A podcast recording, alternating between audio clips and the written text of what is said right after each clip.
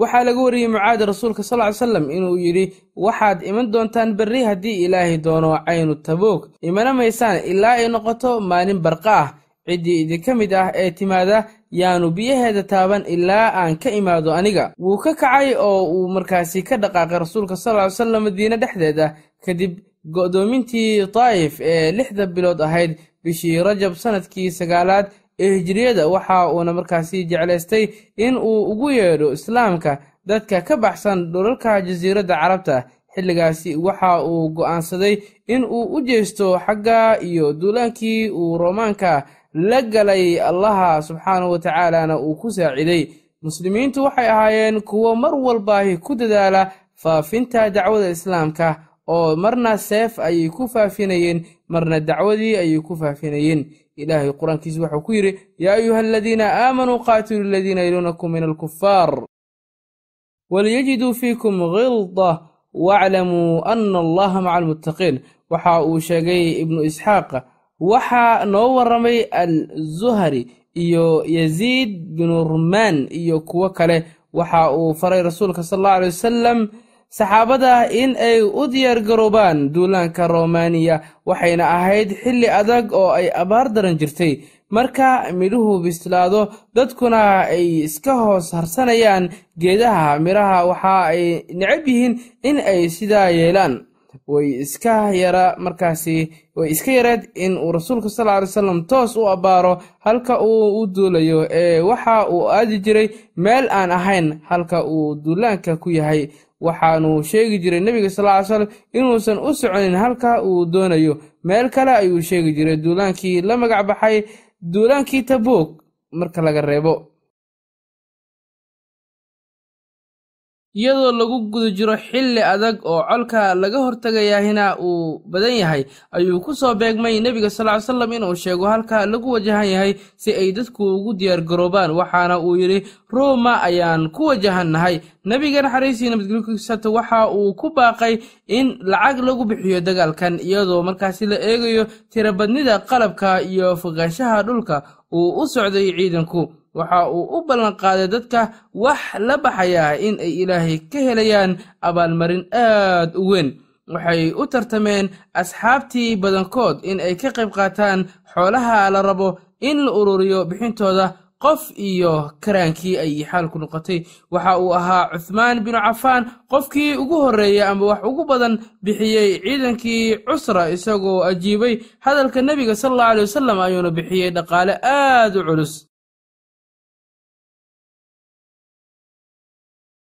ciddii diyaarisay ciidanka cusrana allah waa uu u dembi dhaafay. Dhammaan waxyaabihii lagu bixinayay ciidanka cusrana waxaa dhiibay cuthmaan binu cafaan. Allaha ka raali noqdee wuxuu la soo degdegay bilowgii diyaargarowga in uu bixiyo kun diinaar wuxuuna markaasi ku shubay qolkii nebiga sala allahu calayhi wasalam waxa uu yidhi sala allahu calayhi wasalam waxba ma dhibi doonaan cuthmaan maanta dabadeed wuxuuna soo gudbiyey lacag kale iyo geel lagu raro ciidanka iyo qalabkiisa waxaa kaloo ka qayb qaatay cabdiraxmaan bin cawf.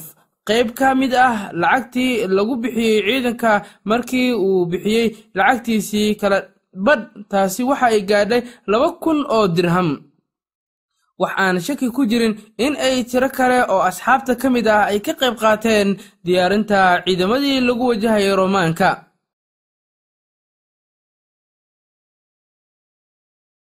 waxay ahaayeen asxaabtu kuwo aan waxba haysan nin walbaahina waxa uu soo gudbiyey wixii karaankiisa ahaa. Arrintaasina waxa ay ku tusinaysaa mid ka mid ah waxa uu keenay saac timir ah. Mid kalena waxa uu keenay saac badhkeed taasoo keentay in ay ku jeesjeesaan munaafiqiintii dadkaasi muslimiinta ahaa ee karaankoodii markaasi wax bixiyey.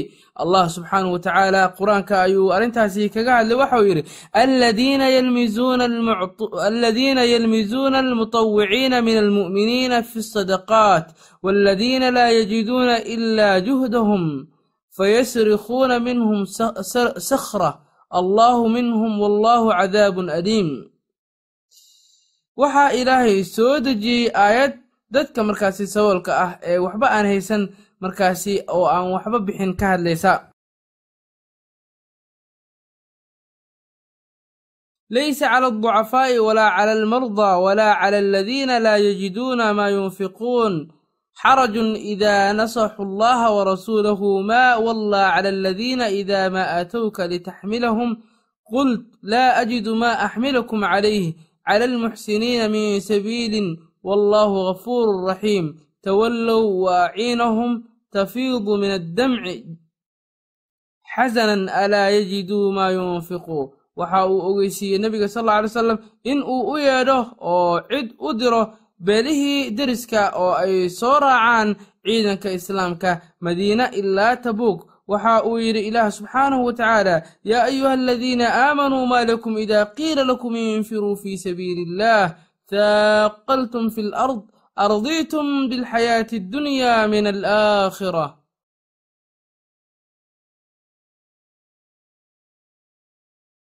famaa mataacu alxayaati addunyaa fi alaakhirati ilaa qaliil waxa uu ahaa ogeysiiskii ahaa in la soo baxo in ay tahay amar waajib dhammaan dadka oo dhammina laga doonayo in ay fuliyaan waxa uu yidhi allah subxaanahu wa infiruu khifaafan wahiqaalan wajaahiduu biamwaalikum waanfusikum fii sabiili illah dalikum khayrun lakum in kuntum taclamuun waxaa soo ifbaxay nifaaqii oo si cad isu soo muujiyey duulaankan waxa ay markaasi isdhahayeen munaafiqiintu ha bixina oo ha aadina dagaalka waxaana intaa kadib ilaah subxaanahu wa uu arrimahaasi iyo arrimo badanba ku caddeeyey qur'aanka kariimka ee qowlkii eebe. Ilaah subxaanahu wa tacaala waxa uu yidhi wa qaaluu laa tunfiruu fi lxarri qul naaru jahannama xara wa qaaluu laa tunfiruu fi lardi qul naaru jahannama ashaddu xara low kaanuu yafqahuun falyadxakuu qaliila walyabkuu kasiira jazaa'an bima kaanuu yagsibuun waxa uu yidhi rasuulka sal alla alay wasalam awowe binu qays mid ka mid a reer salama. Awow sannadkan ma laga helayaa cid reer bani asfar waxa uuna ugu jawaabay rasuulkii ilaahayow. Ma ii oggolaanaysaa wallaahi baan ku dhaartaye tolkayga ma jiro nin dumarka igaga daran. Waxaan markaasi ka baqayaa buu yidhi in ay arkaan hablaha ree asfar nebiga waa uu ka jeestay ninka waxa uuna ku yidhi waan ku oggolaaday waxa uu yidhi nebiga sala allahu alay wasalam hadalkaasi marka ninkaasi odayga ahaa uu sidaa yidhi waxaa ku soo degatay aayado qur'aan ah. Aayadahaasi qur'aanka ee ku soo degay arrinkaasina waxaa ka mid ahaa allah subxaanahu wa tacaala marka uu yidhi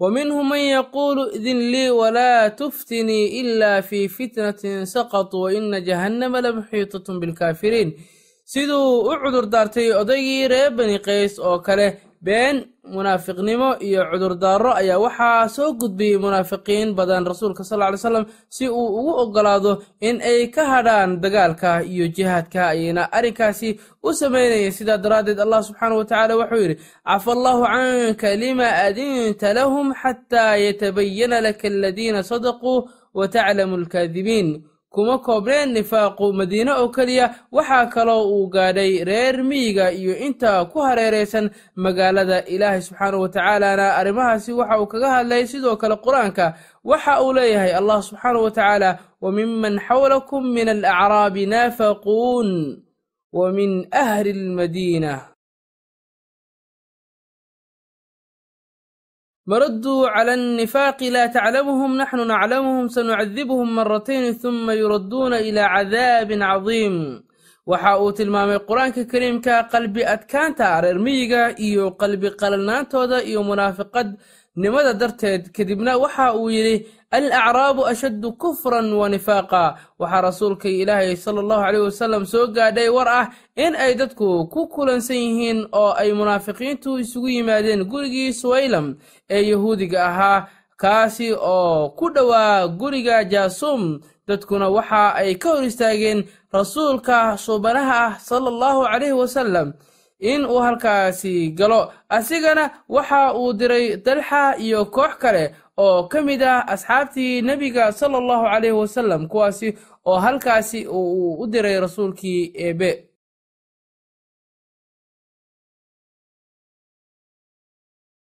Waxa uu faray in ay gubaan guriga suwaylam dalxana waa uu fuliyey amarkii nebiga waxaa soo jiiday aldaxaak binu khaliif guriga dhabarkiisa kadibna lug ayuu ka jabay. Kuwii kalena waa ay soo jiireen waanay baxsadeen. Daxaag baa waxa uu yidhi waxaa sigtay guriga ilaahay dabkii moxamed daxaag iyo ibnu baraaq waxa ay yidhaahdeen waxaana lagu daboolay markaasi gurigii suwaylam waxaana la taahayaa buu yidhi. Daxaag lugta ay jabtay iyo lowga iyo sidoo kale nabadda aan soo noqon doonin. Waxaan ka baqayaa buu yidhi kuwa dabka ee halay ee ku dhimanaya waxay gaadhay dhiirnaantii munaafiqiinta in ay dhisaan masjid si ay uga kulmaan oo ay halkaasi uga shirqoolaan muslimiinta ayna fuliyeen in uu markaasi imaanayo abi caamir alfaasiqi xagga iyo ruum isagoo wata ciidan ku soo duulaya madiina. Waxay sheegteen in ay u dhiseen masjidkaasi waxtarka dadka tabarta yar leh iyo ciddii awoodi weydo in ay soo gaadho masjidkii rasuulka sal allau aley wasalam hase ahaatee ilaahay baa fadeexeeyey oo aayadahani qur'aanka ku soo degay. Waaladiina ittakhaduu masjidan diraaran wa kufran wa tafriiqan bayna almu'miniina wa irsaadan liman xaaraba allah warasuulahu min qabl walyaxlifanna ana ardana ila alxusnaa wallahu yashhadu inahum lakaadibuun laa taqum fiihi abada limasjidin usisa cala altaqwa axaqu an taquuma fiihi rijaalun yuxibuuna an yatatahharuu wallahu yuxibu almutatahhiriin kadibna wuu diiday rasuulkii ilaahay subxaanahu wa tacaala uu soo diray in halkaasi lagu tukado oo masjid ahaan ay ugu dukadaan dadka muslimiinta ah kadib markii aayadahaasi qur'aanka ay soo degeen ee waxyiga lagu sheegay sidaas ayay kaga hadheen dagaalkii in badan oo ka mid ah reer miyigii iyo munaafiqiintii iyo tiro yar oo saxaabada ka mid ah oo markaasi cudurdaar lahaa. Waxaa kaloo hadhay saddex kaloo aan cudurdaar lahayn way u soo degdegeen in ay ku biiraan duulaankan ee uu sheegay nebiga sal alla alay wasalam xagguu ku wajahan yahay ama uu ku jeedo markii nebiga uu baxay isagoo ciidankiisii wata uu madiine ka baxay. Waxaa xero ciidan uu ka dhigtay aljarfi oo u dhow thaniyaatul si ay u soo gaadhaan ciidanka ka daba imaanaya waxa uuna markaasi isticmaalay maxamed binu muslama waxa uu ku hadhay reerkii cali bin abi taalib ilaahay ha ka raali ahaadee. Waxaa la faray in uu la joogo waxaa ku jeesjeesay markaasi munaafiqiintii. Waxa ay ku yidhaahdeen maxaa kaloo joojin oo culays aan ahayn iyo in uu isfududaynayo cali ayaa qaatay hubkiisii waanuu ka baxay madiine ilaa uu u yimid rasuulka sal alla alay wasalam isagoo degan aljaraf. Wuu u warramay waxa uu ku yidhi wixii munaafiqiinta ay ku yidhaahdeen rasuulkii ilaahayow ma waxaad igaga tegaysaa ciyaalka iyo dumarka nebiga sal ly slam waxa uu ugu jawaabay miyaanad ku raalli ahayn in aad ii gasho meeshii haaruun muuse uu ugu jiray? Nebi uun baan iga dambayn doonin mooye. Waxa uu ku laabtay cali ilaahay ha ka raali noqdee. Madiina waxa uuna samaystay cabdilaahi bin ubaya ibnu salool xero ciidan oo u gaar ah. Markii uu dhaqaaqay ciidankiina wuu siibtay oo waxa uu la baxay munaafiqiintii waxa ay ahaayeen tirada ciidanka muslimiinta. Sida loo badinayo tiro ahaan ciidamadii muslimiinta ee weerarkaasi aaday.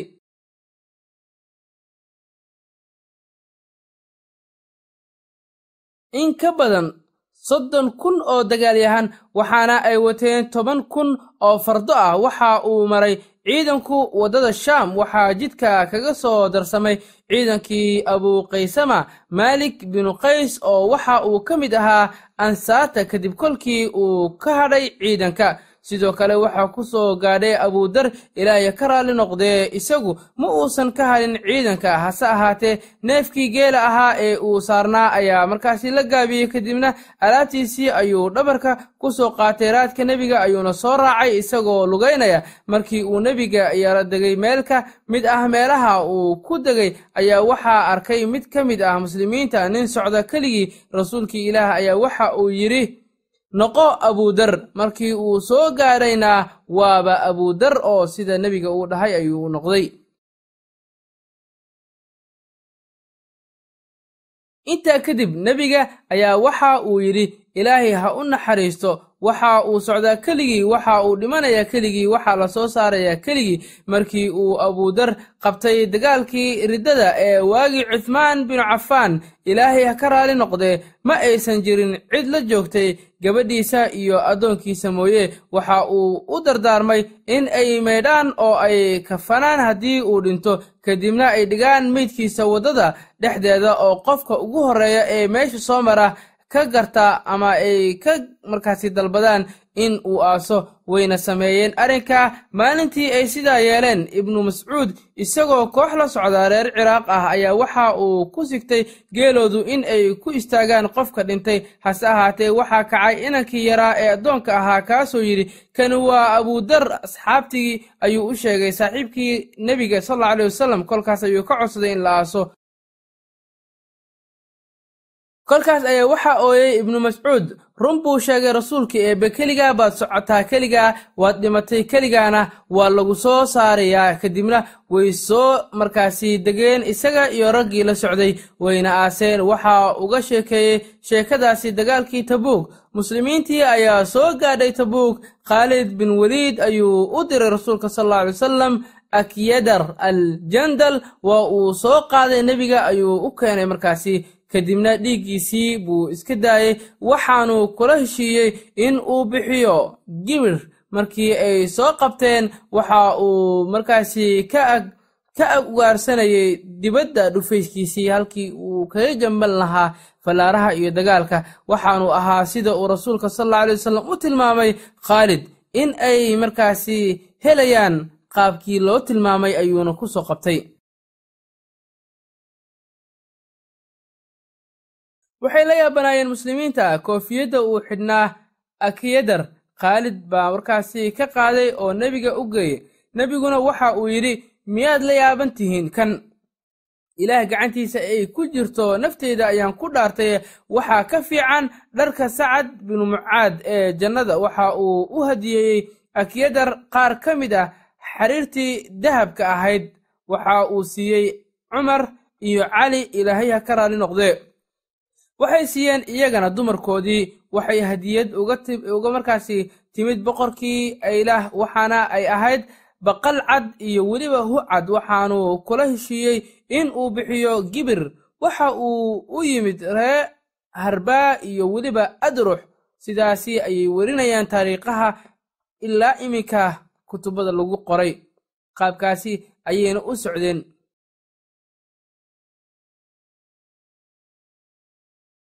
maalin maalmaha tabuug ka mid ah waxaa ka daahday nebiga salaaddii subax isagoo soo gudanaya baahi.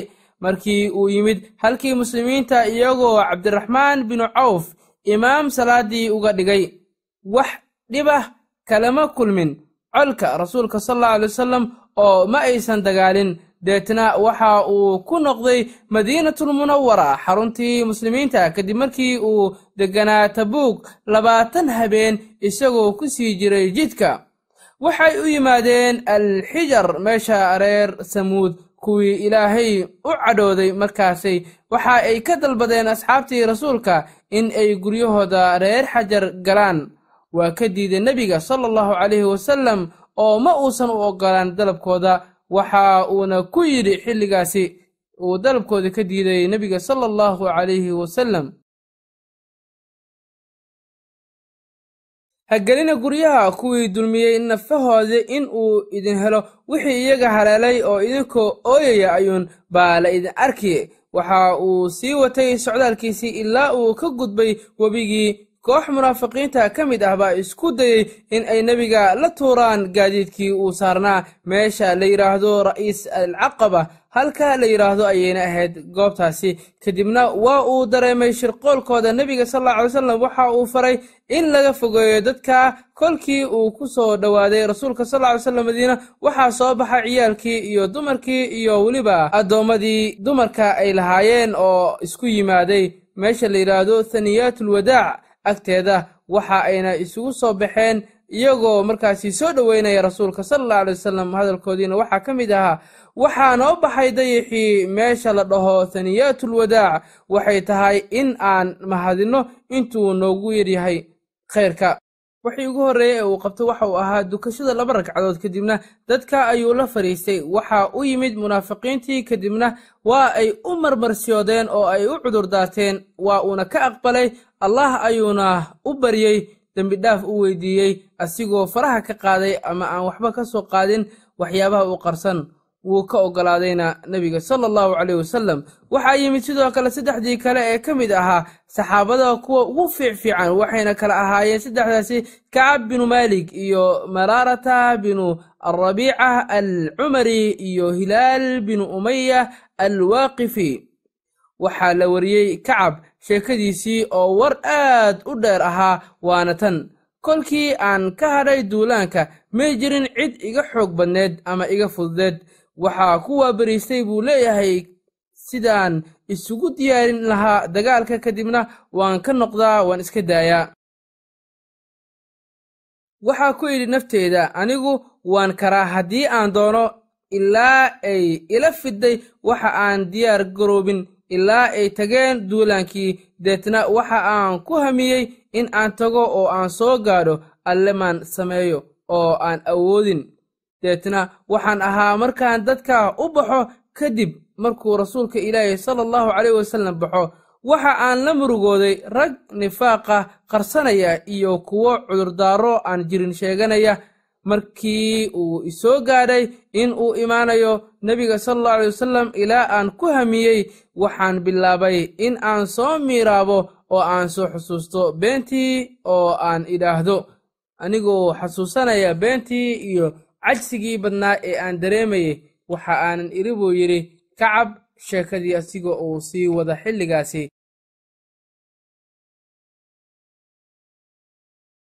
Maxaan ula tegi doonaa cadhadiisa beritoole nebiga?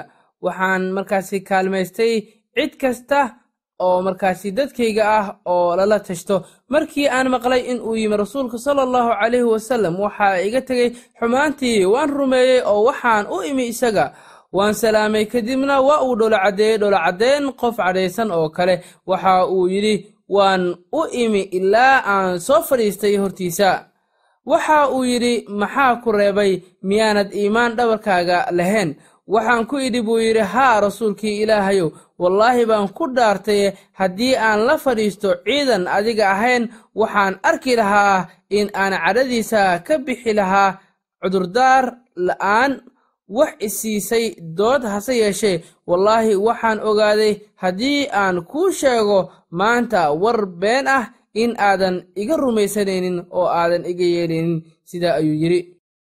Waxaan ka cabsanayaa in uu ilaahay igu kaa cadhaysiiyo. Haddii aan kuu sheego war runana waxaan rajaynayaa dembidhaafkii ilaahay. Wallaahi wax cudurdaar ah ma aan lahayn. Ma jirin cid iga fudud oo iga xoog badan. Markaan kaa harayey waxa uu yidhi rasuulkii ilaahay sala allahu caleyh wasallam markaasi run baad sheegtay kac inta uu ilaahay arrinkaaga ka goynayo waan kacay. Waxaa gadooday rag ka tirsan reer salama. Way isoo raaceen iyagoo ii warramaya. Waxaan ku idhi wax ma la kulanteen arrinkayga oo kale uu ku dhacay? Haa ayay igu yidhaahdeen. Waxa ay yidhaahdeen nin intaad tidhi adiguba waxaan markaasi waxaana lagu yidhi intii lagugu yidhi ayay yidhaahdeen. Waxaan ku idhi waa kuma. Waxay igu yidhaahdeen waxay ahaayeen maraarata binu alrabiic iyo hilaal binu umaya oo sida uu hadlay u hadlay. Waxay ii sheegeen laba nin oo wanaagsan oo dagaalkii beder joogay oo aan ku daydo waxa uu u diiday rasuulka sala allahu caleyh wasallam muslimiinta saddexdayada in aan la noolaanno in aan la hadalno dadkii ayaana ka fogaanay wayna isbeddeleen ilaa ay na dafireen dhulka mise maba aha tii na garanaysay. Saasaan ahayn kontan habeen mise labadii nin ee kale waxa ay ka soo bixi waayeen guryahoodii iyagoo ooyaya mise aniga waxaan ahaa ninka ugu yar ee ugu xoogga badan waxaan u soo bixi jiray salaadda si aan ula tukado muslimiinta waxaana la dawaafi jiray muslimiinta iyo suuqa ciddana ilama hadli jirin oo dadku ay ii diidi jireen hadalkooda. Waxaan u imaan jiray buu yidhi rasuulkii ilaahi sala allahu caleyh wasalam isagoo golihiisa jooga kadibna salaadda ayaan halkaasi ku dukan jiray. Asiga ayaa ka sheekeynaya xaalkuu soo maray. Waxaan ku odhan jiray nafteyda talow ma dhaqaajiyey dibnihiisa mise maya meel u dhow ayaan ku tukan jiray anigoo ku xadaya indhahayga haddii uu isoo eego waan eegi jiray haddii aan jalleeco xaggiisa waa uu iga jeesan jiray. Anigoo dhex socda suuqa madiine waxaa hadlay mid reer shaam oo wada cunto madiina waxa uu leeyahay yaa i tusaya kacab binu maalik ayay dadku ku baraarugeen oo ay ii soo tilmaameen wuu ii yimid oo i riixay ii dhiibay warqad ka socota ree qasaan waxaa ku qornayd warqadda intaa dabadeed waxaa i soo gaadhay in uu saaxiibkaa kugu markaasi kalifay oo ku dhibay ilaah meel lagugu dulmiyo kuma dhigee kaalay inoo imow sida ay yidhaahdeen. Waxaan ku idhi markaan akhriyey kanna ma dhulkii muslimiintaba.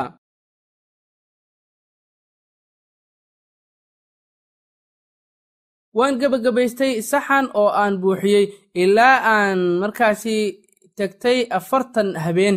Rasuulkii ilaahay waxa uu ku faray in aad ka fogaato gabadhaada waxaana ku idhi miyaan furaa mise maxaan sameeyaa waxa uu yidhi ka fogow ha u dhowaan. Intaa in la eg ayuuna u diray saaxiibaday waxaana ku idhi reerkaygii intaan u tagay oo anigoo la jooga ayaan ku idhi orod bax oo reerkiinii aad oo la joog. Inta arrinkayga uu allaah goynayo saa baan ku sugnaa intii ay ii dhammaanaysay. Kontanka habeen xilligii uu diiday rasuulka sala allahu calayhi wasallam hadalkayga markii aan tukaday waxaan markaasi ku waabariistay salaaddii subax konton habeen oo anigoo muslimiintii kale aan la hadli karin oo ka xiran ayaana maalmahaasi iyo habeenadaasi ay isoo mareen anigoo jooga dhabarka guriga. oo fadhiya ayaa sidii ilaahay sheegay oo naftii cidhiidhi gashay. waxaan maqlay cod ka qaylinaya buur korkeed. waxa uu ku dhawaaqayay codkii ugu dheeraa kacabow kacab binu maaligow bishaaro waxaan dhacay sujuud ayaan la dhacay uu yidhi kacab waxa aan gartay in uu yimid farajkii ilaahay. Waxa uu nebigu sala allahu calayh wasallam ogeysiiyey toobadeedii. Waxaa ii yimid labadii saaxiib oo ii bishaareeyey iyana markii uu yimid kii aan codkiisa maqlay ee ii bishaareeyey. Waxaan u bixiyey dharkaygii oo waan huwiyey isaga ilaah baan ku dhaartay. Maan hayn wax labadaasi shay ka baxsan deen ayaan ku soo qaatay dhar aan ku labisto oo aan xirto ayuu yidhi xilligaasi farxadda iyo reereynta uu dareemayey awgeed markii farajkii uu ilaah u furay ee uu ka baxay cidhidhigii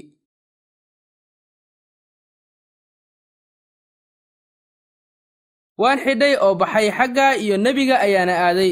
Waxaan la kulmay dadkii oo ii hambalyeynaya dhammaantood koox koox toobadeydana iigu hambalyeynaya markii aan salaamay nebiga naxariistii nabadgelyo korkiisa haatee waxa uu igu yidhi bishaarayso kuma soo marayo maalin ka fiican maanta tan iyo markii hooyadaa ay ku dhashay.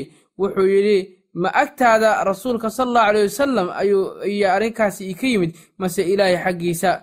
Waa xagga ilaahay buu yidhi. Maya waa xagga ilaahay ayuuna rasuulkii sala allahu caleyh wasalam ugu jawaabay. Waxaan idhi buu yidhi miyaan sadaqada bixiyaa rasuulkii allow iyo weliba ilaah subxaanahu watacaala raaligelintiisa waxa uu yidhi xoolahaaga wax ka mida qabo waa uu kuu wacan yahaye wax i badbaadiyey sadaqada toobadeedana ku cusboonaysiiyey sidaa ayuu yidhi oo waxaa u yimid farxad iyo guul markii uu allah toobadii ka aqbalay لقد تاب الله على النبي والمهاجرين والأنصار الذين اتبعوه في ساعة العسرة من بعد ما كاد يزيق قلوب فريق منهم ثم تاب عليهم إنه بهم رؤوف رحيم وعلى الثلاثة الذين خلفوا حتى إذا ضاقت عليهم الأرض بما رحبت وضاقت عليهم أنفسهم وظنوا أن لا ملجأ من الله إلا إليه ثم تاب عليهم ليتوبوا إن الله هو التواب الرحيم ليتوبوا إن الله هو التواب الرحيم يا أيها الذين آمنوا اتقوا الله يا أيها الذين آمنوا اتقوا الله وكونوا مع الصادقين